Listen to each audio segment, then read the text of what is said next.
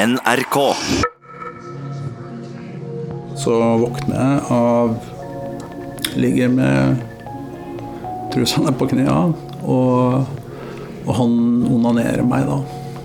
I tiår på tiår begår en idrettstrener overgrep på en rekke unge gutter. Jeg satt jo der livredd 14-åring og måtte jo være helt stille. Ingen sier ifra. Overgriperen er veldig populær i den lille bygda. De aksepterte jo for så vidt at eh, på rangstigen så sto Vår Herre øverst. Men treneren kom jo på en svært god nummer to.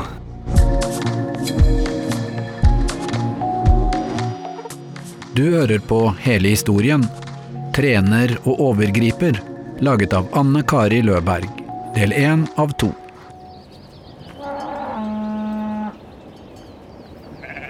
Når du kjører nordøst i Østerdalen gjennom Sjumilsskogen i Trysil, kommer du til Engerdal.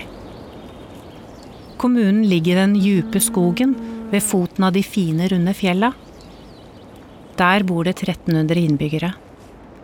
Enten på gårder eller i de små tettstedene ved sjøer og elver. Her gror det løpstalenter som vekker nasjonal interesse fra 1970-tallet og i flere tiår. Engerdøler i full fart mot Holmenkollstafetten. 76 unge og voksne fra Østerdalen representerer Søndag Reneng, en klubb med stolte tradisjoner. Småklubben fra Østerdalen har nær 50 medaljer i Norgesmesterskapet i friidrett siden 1974. Æren for resultatene får den legendariske treneren i idrettslaget. Jeg påstår mange ganger at rening Reneng er det mest lykka regionale prosjektet i Østerdalen, så det har jo vart nå snart i 30 år. Det folk ikke vet, er at den smilende treneren som blir intervjua, bærer på en mørk hemmelighet bak den fine fasaden.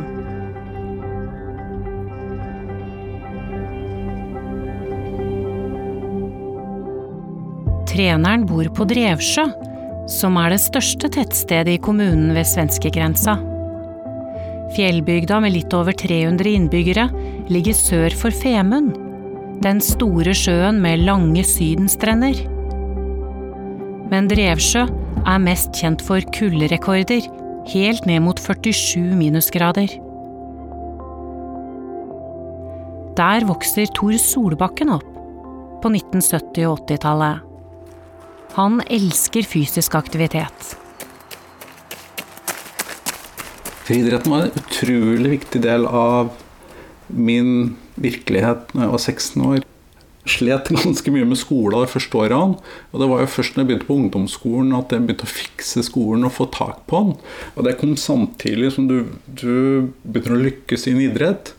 Så plutselig fra å føle deg litt like der, kanskje dum og lite verdifull, så, så, så får du jo den her boosten av å, å være noen. Primus motor for det meste som skjer, er den ivrige treneren som også er leder av idrettslaget. Jeg ble mer og mer kjent med denne her eh, veldig hyggelige, omsorgsfulle personen på mange måter. da, Som kjørte oss hit og dit. eh, Om det var til konkurranser eller på treninger. Han var veldig mye med oss. Den blide og hjelpsomme treneren fostrer løpere som høster kongepokaler og medaljer i norgesmesterskap. Norgesmesterskapet i friidrett på Nadderud i fjor. Randi Langøy-helten Bjørn overrasker mange med seier på 800 meter og kongepokal. Klubben heter altså Reneng, er en sammenslutning av friidrett... Thor får mer og mer oppmerksomhet av supertreneren.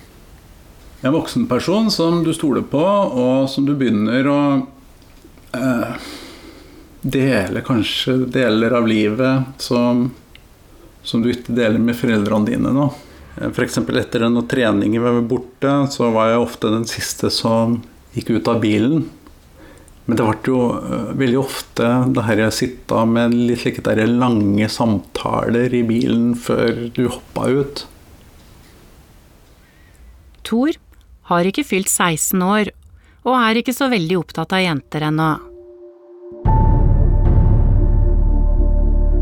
Treneren, som alltid kommer med oppmuntrende ord fra sidelinja, er en veldig fin fyr å prate med, om alt mulig, fra trening til politikk og litteratur.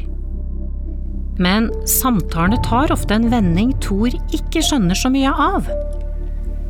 F.eks. når eh, vedkommende begynner å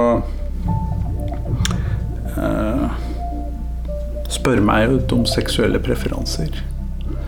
Husker det så brytende vel, for det var like herre Ja, hva skulle vi svare på det? Den omgjengelige treneren er også kultursjef i Engerdal. Han ordner så Thor får sommerjobb på det nystarta Villmarksmuseet. Han sørger for treningsutstyr, og at Thor får være med på samlinger både i Norge og i utlandet med andre gode løpere.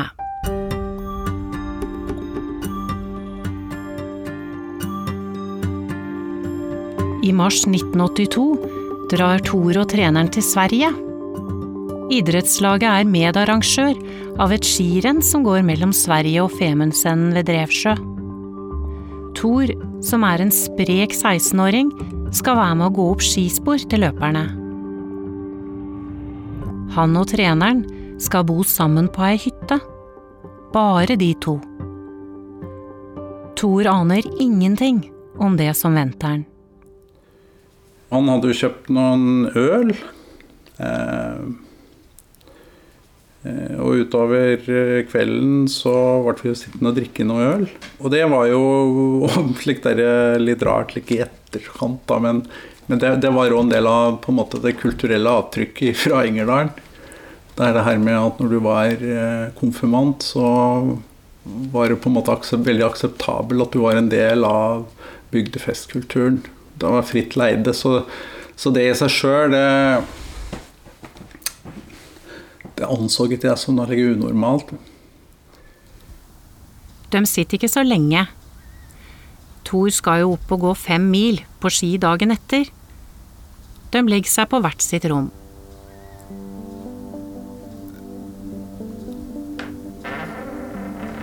Men på natta våkner han av at treneren sitter på sengekanten inne på rommet.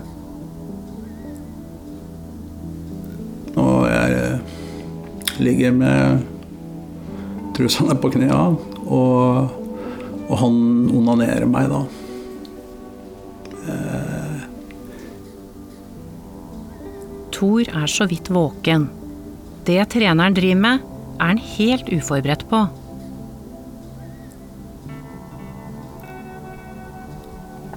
Du ligger i, sikkert i en eller annen drømmesammenheng og gradvis går over til å bli våken. Er litt alkoholpåvirka. Eh, og, og du har jo null, null erfaring, da. Eh, av, slike, av, den situasjonen der. Eh, det oppstår jo en eller annen form for redsel i meg på hva er det som skjer med meg nå. Han vil ikke ha henda til treneren på kjønnsorganet sitt. Han vet ikke hva han skal gjøre, så han ender med å onanere seg sjøl. Han vil bare ha det overstått.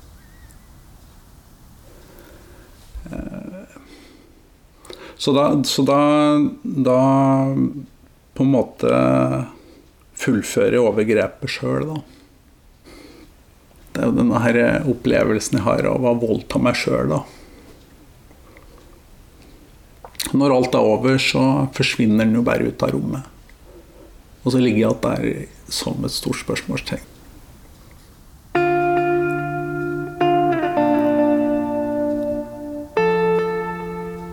Dette er 16 år gamle Tors seksuelle debut. Han som så vidt har begynt å kikke på jentene i bygda.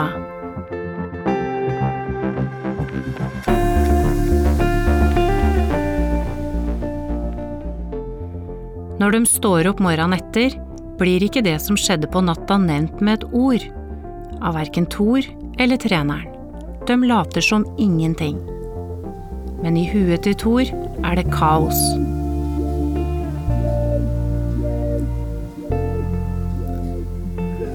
På en måte så er jo alt som heter tillit, borte. Men samtidig så representerer den jo en stor mulighet. Gjennom at den er trener, gjennom at den har ressurser, gjennom at den bruker masse tid på meg, på noe som er viktig for meg i forhold til alle kompiser jeg har. Og så Samtidig så skjønner du det ikke, fordi at det er litt her jeg, Ja, men faderen, jeg er jo jeg, jeg, er ingen, jeg er ingen homo. Eh, jeg kan jo ikke fortelle det. Eh, hva vil folk tenke om meg da? Og du har veldig mange slike tanker på at uh, det er jo kanskje mye jeg har skyld. Og så hadde jeg aldri hørt om noen gutter som var utsatt for voldtekt eller seksuelle overgrep. Jeg visste jo ikke hva det var.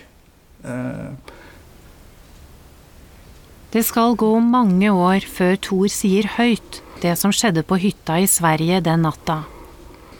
Ikke engang foreldra får vite noe. Nei.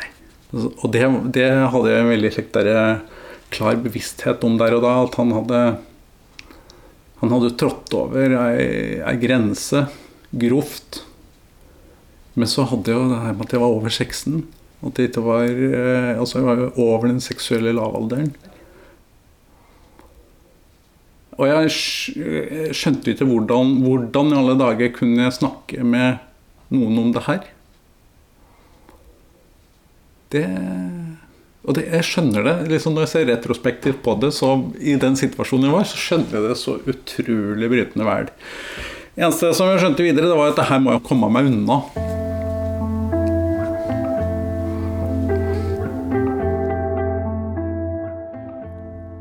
Sjøl om det er helt uaktuelt å fortelle noen om det treneren har gjort, er det også uaktuelt å slutte med friidrett. Men han blir flere ganger oppsøkt på natta når de er på tur.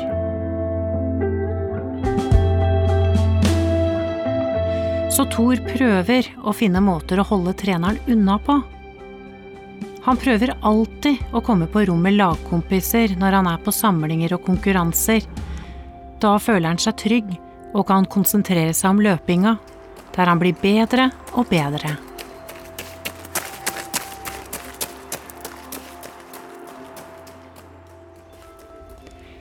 Sommeren 1982 skal Thor løpe 1500 meter i et kvalifiseringsløp til et nasjonalt mesterskap på Bislett i Oslo. Thor trenger et sted å overnatte. Han blir glad når han får høre at han og treneren skal overnatte hos en kompis av treneren. En Thor føler seg trygg på.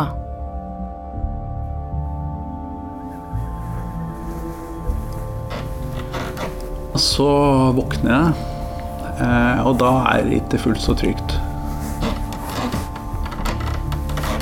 Så da har jeg altså en mann på hver side av meg. Og begge forsyner seg av kroppen min. Eh,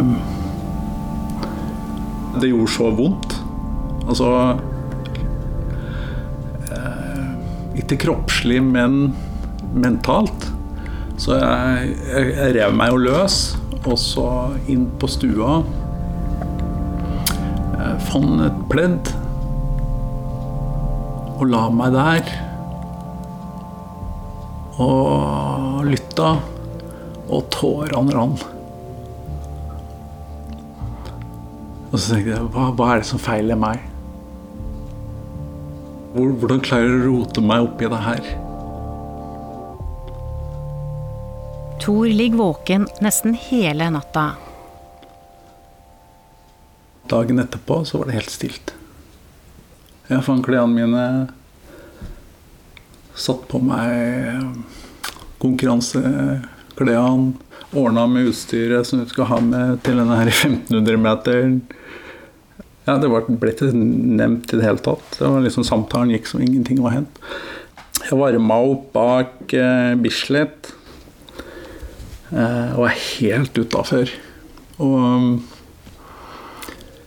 og så eh, stilte jeg til start. Og så sprang jeg 700 meter. Og så stoppa jeg og spydde.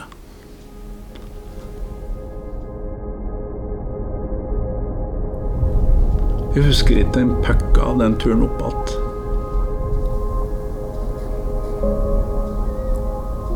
Sjøl etter dette klarer ikke Thor å komme ut av grepet treneren har på han. Han er for glad i idretten og miljøet der. Treneren som nå er i 40-åra, er jo kjernen i alt som skjer. Og han er jo så ålreit ellers. Foran et nytt løp i Oslo kommer han seint inn i leiligheta de skal overnatte i. Alle rom er opptatt. Thor legger seg på stua med kompisene vegg i vegg. Han kan ikke finne på å oppsøke meg i et fellesareal der det er masse utøvere rundt omkring.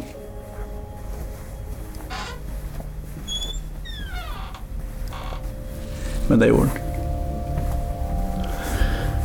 Jeg så den på et halvt øye. Eh, Så jeg hørte jo at det kom tussende igjen over gulvet. Da kjente jeg jo at sinnet kom, ikke sant. Var, og da var jeg forberedt, så jeg bare lå og lata som ingenting til han eh, satte seg på, på kanten på sofaen. Og så spretter jeg opp. Og så tar jeg tak i overarmene på han, og så tar jeg det jeg klarte. Og da, da, da var jeg såpass slik i fight-modus som jeg ikke hadde klart kanskje å være tilstrekkelig før. Eh, så da var jeg nok ganske sterk. Fordi da så jeg igjen, og så så jeg bare inn i øynene med like, dyreblikk. Jeg ville ikke forestille meg sjøl. Og så sa jeg hvis du ikke gir deg nå, så dreper jeg deg. Da var det slutt.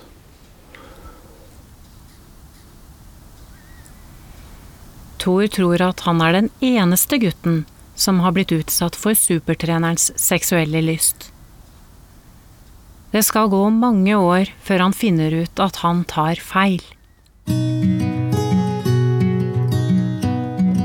Han legger løpeskoa på hylla etter videregående og flytter til Elverum for å studere. Der møter han kvinnen i sitt liv, Guro, og etter noen år får de to sønner. Dem passer han ekstra godt på.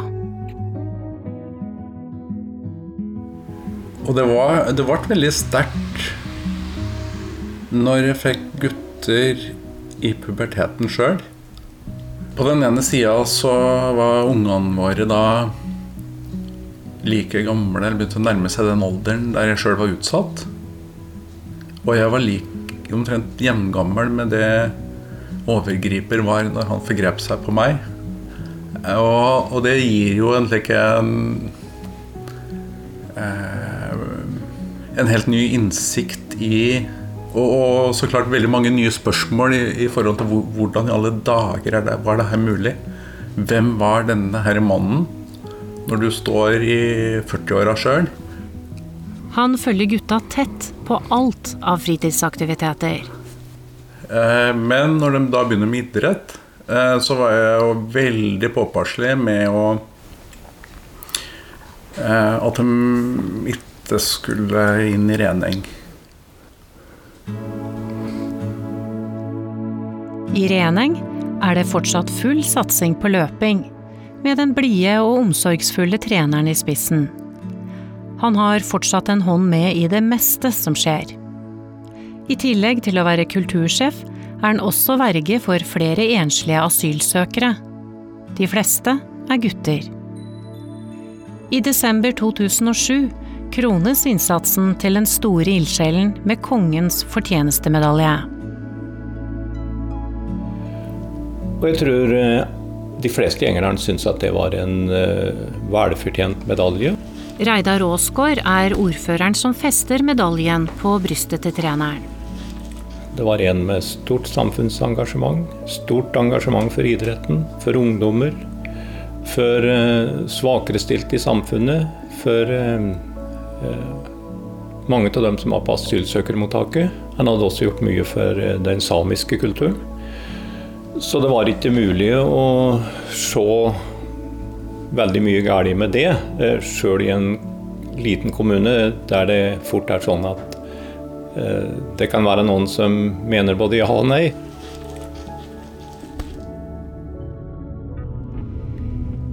Få vet om den mørke sida av engasjementet til treneren.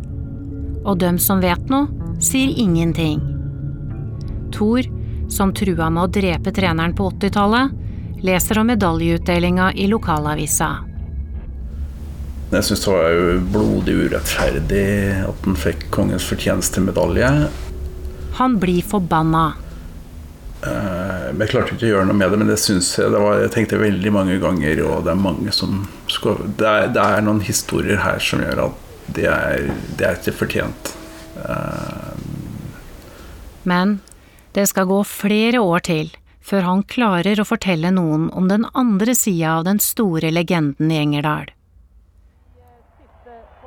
Før det er det en annen friidrettstrener som får søkelyset mot seg. Patrick Sjøberg går over 2.36 i eh, siste forsøk. Den svenske høydehopperen Patrik Sjøberg, som er kjent for mange verdensrekorder på 80-tallet, forteller i 2011 at han har blitt utsatt for overgrep av treneren sin. Patrik Sjøberg var superstjernen som bar på en mørk hemmelighet. I en ny bok forteller han om gjentatte seksuelle overgrep. Han sier overgrepene startet da han var 11 år. Jag började göra motstånd och eh, vid 14-15-årsåldern då, då fikk jeg nog... At Sjøberg forteller, skal få stor betydning også i Reneng.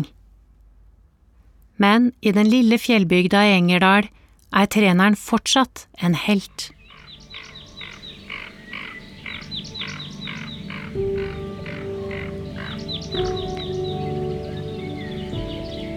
Seks år senere er Tor Solbakken på familiehytta i Elgådalen i Femundsmarka.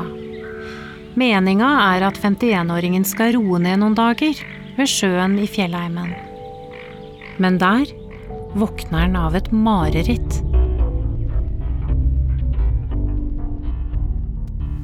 Så jeg våkner eh, på morgenen eh, 28. juli. Jeg hadde vært og gått jaktprøve med, med elghund dagen før. Og så våkner med dundrende hjerte og svetta, vet du. Noe så tullete. Det bare rann av eh, av hen, og jeg var helt ute. Eh, Han har ikke krefter til å stenge inne det som skjedde for over 30 år sia lenger. Han ber kona Guro om å komme. Han må snakke med henne. Eh, Da natt til den 30. juli 2017 så eh, Etter vi har lagt oss, ja, så sa jeg til Guro, jeg har, jeg, jeg noe jeg må fortelle. Eh, Jeg har vært utsatt for seksuelle overgrep i en periode fra jeg var 16 år. Og så fortalte jeg hvem det var. Da sprakk det alt det som hadde vært stengt ned i 36 år da. Og det var så heftig at eh, jeg husker jeg holdt rundt deg, Tor. Mm. Hardt. Bare for å nesten gi deg følelsen av å, å bli holdt rundt. Eh, jeg lå og vugga deg. Nesten som man gjør med et barn. Bare å si liksom, å, å gjenta 'det skal gå bra'. Dette skal gå bra. Jeg ba deg puste. Både inn og ut. Innimellom Hikstad og Ja, nei, det var, det var nesten sånn eh, å overleve natta. Det blir en tøff sommer for Tor og Guro. Ja, søvnløse netter med masse mareritt, med Hvor vi måtte, måtte bare stå opp midt på natta, gråte, ta akkurat det som kom. Eh, plutselig så kommer de jo tilbake. Både lukter, disse berøringene eh, Det som på en måte Nattemørket. Det er tussinga Denne her anspentheten der du ligger og venter. I sånt mørke rom var jo litt slik her trælete en periode hvis det var mye folk rundt meg.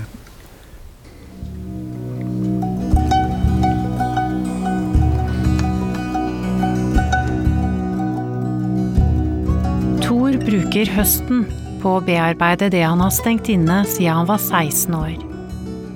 Men han vet ikke hva han har satt i gang, og hvor det skal ende. Og han vet ikke at da han fikk stoppa overgrepa mot seg, så fant treneren nye ofre.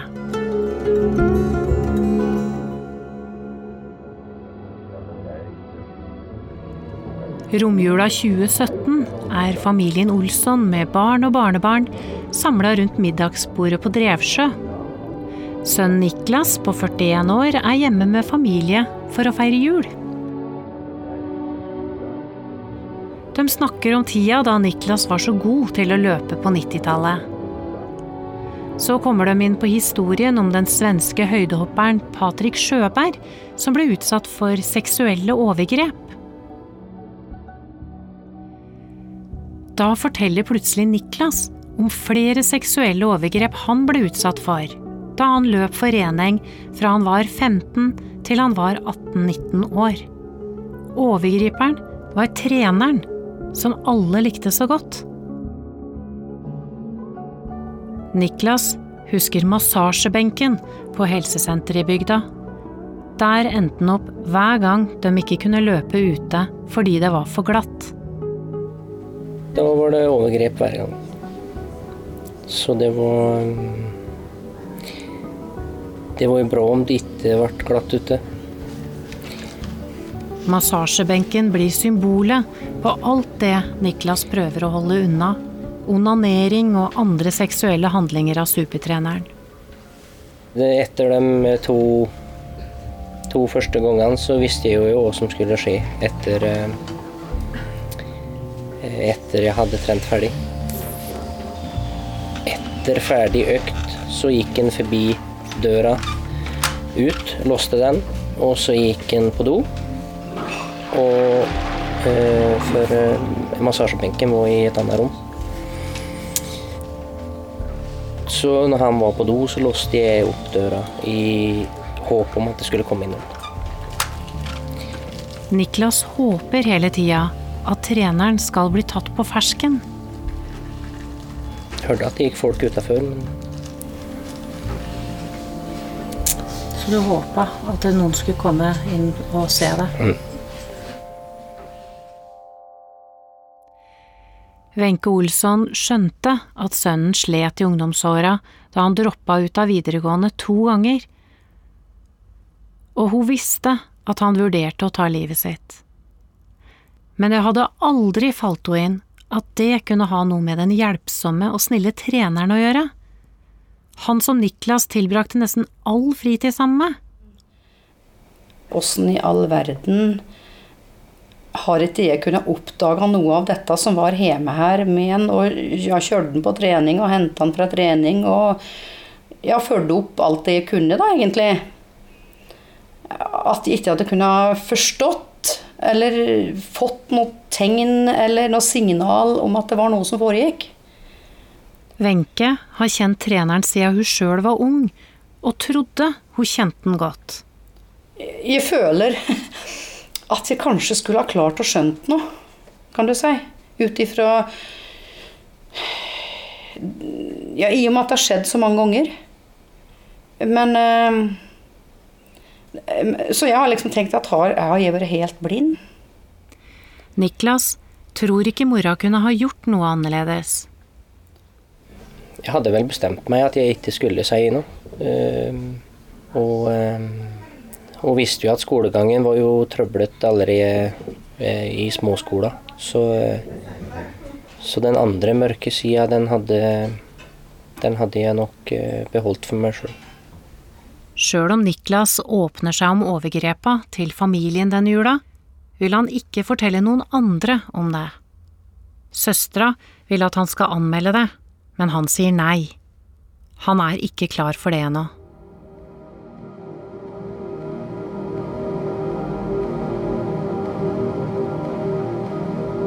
Tor Solbakken klarer ikke å slippe tankene på det som skjedde i idrettslaget for over 30 år sia. På nyåret 2018 bestemmer han seg for å konfrontere treneren. Han sender en SMS. Svaret kommer fort. Det gjør meg skikkelig vondt å høre hvor vondt du har hatt.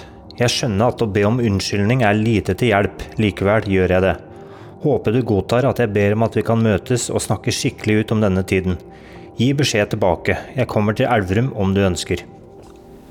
Han ønska jo at vi skulle møtes, han kunne jo nærmest sette seg bilen med en gang. Eh, så det var veldig raske SMS-utvekslinger, og han eh, Jeg fikk jo fort svar på at han eh, Han skjønte jo at han hadde trådt over grenser i forhold til meg og unnskyldte seg veldig for det. Men han hadde veldig behov for å møte meg og rydde opp i den tida der. Og så, var, og så ble det jo en slik herre at det var ingen andre enn meg. Det var en til, etter hvert kom det frem, men som ikke uh, han ville fortelle hvem var. Så jeg pressa han ganske mye på det. Thor vil vite hvorfor akkurat han ble offer. Du imponerte med din allsidighet. Alt du gjorde på Blokkodden og din måte å være på, gjorde at du var spesiell. Derfor er det helt forferdelig det jeg har utsatt deg for. Ber igjen om dyp beklagelse for det. Treneren skriver at ingen av de han trener nå, har noen negative opplevelser. Han vurderer likevel å trekke seg som leder av idrettslaget. Vi skal ha årsmøte sist i februar. Der vil jeg si fra meg alle verv og begrunne det med forholdet til metoo og min måte å handle på. Vil ikke nevne ditt navn. Men beklager min oppførsel. Håper du godtar at jeg legger det fram da. Det må jo ordnes med nye folk som tar over. Jeg håper du godtar dette. Overgriperen, som har vært både trener og leder i friidrettslaget i over 40 år, trekker seg på årsmøtet i mars 2018. Men sier ingenting om overgrep. Eh, det ble avvissak. Men det ble avvissak. Men den, den, var jo helt noe annet enn en det som jeg hadde forventa. Lokalavisa Østlendingen vier ei hel side til legenden som nå slutter som leder. Han Har vært trener, sosialarbeider, reservepappa og inspirator for flere generasjoner ungdommer i Østerdalen. Det var eh, heder og ære fra ende til annet, og begrunnelsen for å trekke seg var eh, egen helse. Denne eh, vanvittige rosemalinga av den fyren som jeg akkurat er i en konfrontasjon med. Det blir jo en ny opplevelse av svik. Ja, det, det er jo det. Det blir krassere SMS-utvekslinger mellom Thor og treneren utover våren. Thor prøver å presse treneren til å fortelle idrettslaget om det han har gjort. Men ingenting skjer. Det kan jo ikke koste mer for han å, å stå opp og, si noe om det eh, i, offent, i, et offentlig rom, i og med at den er en offentlig person. Eh, som har tatt så mye ære av gjennom å være trener og håndtert mange talentfulle utøvere. Eh, men jeg skjønte jo etter hvert at det, det skjer jo ikke. Eh, så, og da begynte jeg å gå opp litt i liminga i forhold til hvordan jeg skulle angripe det.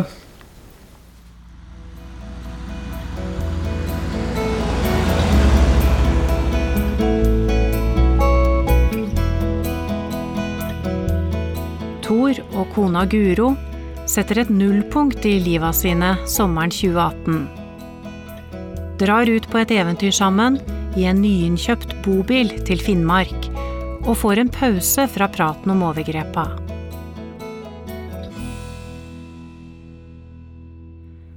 Når Thor kommer uthvilt tilbake på jobben, vurderer han om han skal varsle idrettslaget.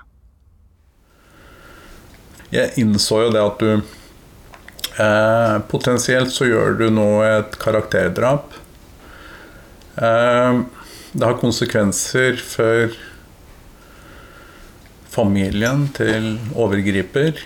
Eh, det har konsekvenser for en kommune, eh, for alle som har kjent vedkommende, som ikke har visst.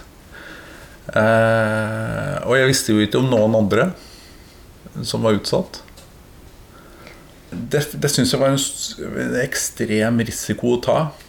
Men du visste jo ikke hva, hva det styret ville gjøre heller. Det kunne Nei. jo ha stoppa der. Ja. For første gang på 40 år var det en ny leder som kunne ta imot den e-posten. 2.8.2018 sender Thor e-post til den nye lederen av Reneng. Der skriver han at han ble utsatt for flere overgrep av treneren på 1980-tallet. Jeg tenkte at det her er jo helt utrolig. Dag Meli er den nye lederen som tok over da treneren trakk seg etter over 40 år. Altså Ikke i den forstand at det er utrolig sånn at jeg, ikke, jeg tror ikke på det, men at jeg tenkte at det, det er så helt far off det jeg kunne ha innbilt meg, og sånn som jeg kjente trenere i det hele tatt, at det var Det var et sjokk.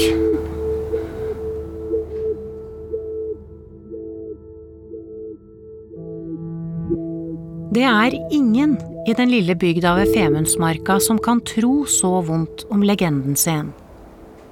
Det, det var jo helt utenkelig. Altså, det, det var for befolkninga Gjengerdalen generelt, tror jeg, og på Drevsjø spesielt, helt, helt utenkelig.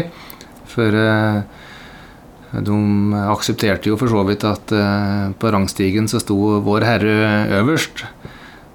Men treneren kom jo på en svært god nummer to. Eh, og så kom resten nedover.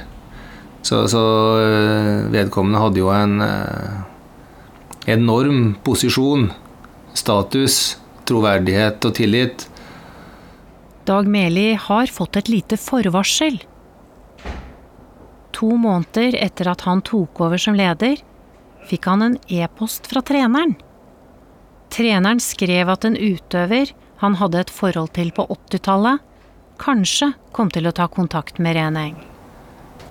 Jeg tenkte jo da jeg fikk den e-posten at uh, det her er noe som har skjedd på en fest. fordi vi var jo kjent med at uh, alkohol var, var brukt nå på festligheter, festlige sammenhenger i, i, klubben.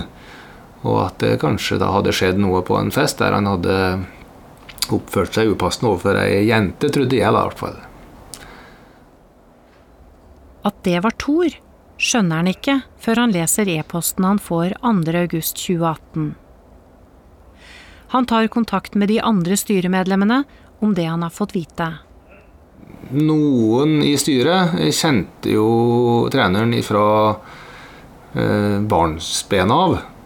Og, og må si at jo lengre folk hadde kjent den, jo større var sjokket. Og den ene, det ene styremedlemmet da, som har kjent den desidert lengst, hun trodde jo egentlig ikke på det som kom fram. Styret i klubben møter treneren for å høre hans versjon. Han har jo vært trener for mange gutter gjennom 40 år. De vil vite om det er flere som har blitt utsatt for overgrep. Eh, altså det var én sak til, sier han da, som er rydda opp i. Eller han husker ikke akkurat ordlyden, men han sier at den, den er avklart, rydda opp i. Den kommer dere ikke til å få høre noe mer om. Det er ingen andre som har hatt ubehagelige opplevelser eller hatt uh, noe ja, Jeg tror hun brukte det ordet. Ubehagelige opplevelser. Bortsett fra den saken som jeg har fått kjennskap til. Styret møter også Thor og får høre hele hans historie. Etter det får treneren som nå er i slutten av 70-åra, forbud mot å følge opp to yngre gutter han er trener for. Men styret er usikre på om de skal gå til politi med saken. Det ble jo et forferdelig personlig dilemma. Personer du er veldig glad i og kjenner, tror du, kjempegodt. Og så skal du gå til politiet med en form for anmeldelse eller varsling på noe som vi på det tidspunktet ikke visste noe mer om at det var én sak som da var eh, ganske gammel. Den var jo fra først på 80-tallet. Det er klart Vi visste jo at den var strafferettslig forelda, så det ville jo ikke kunne bli noe straff på det.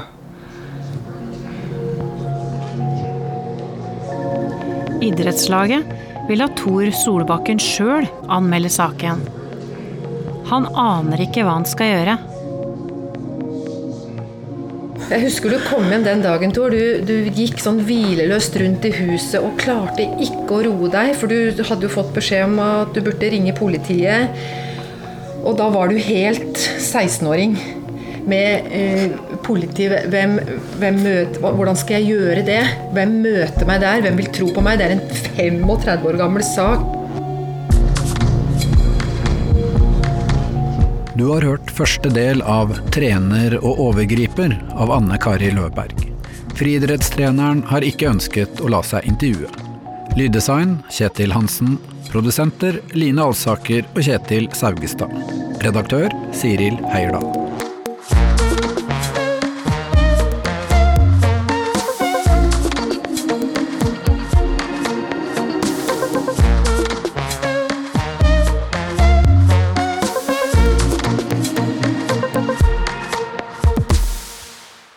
NRK.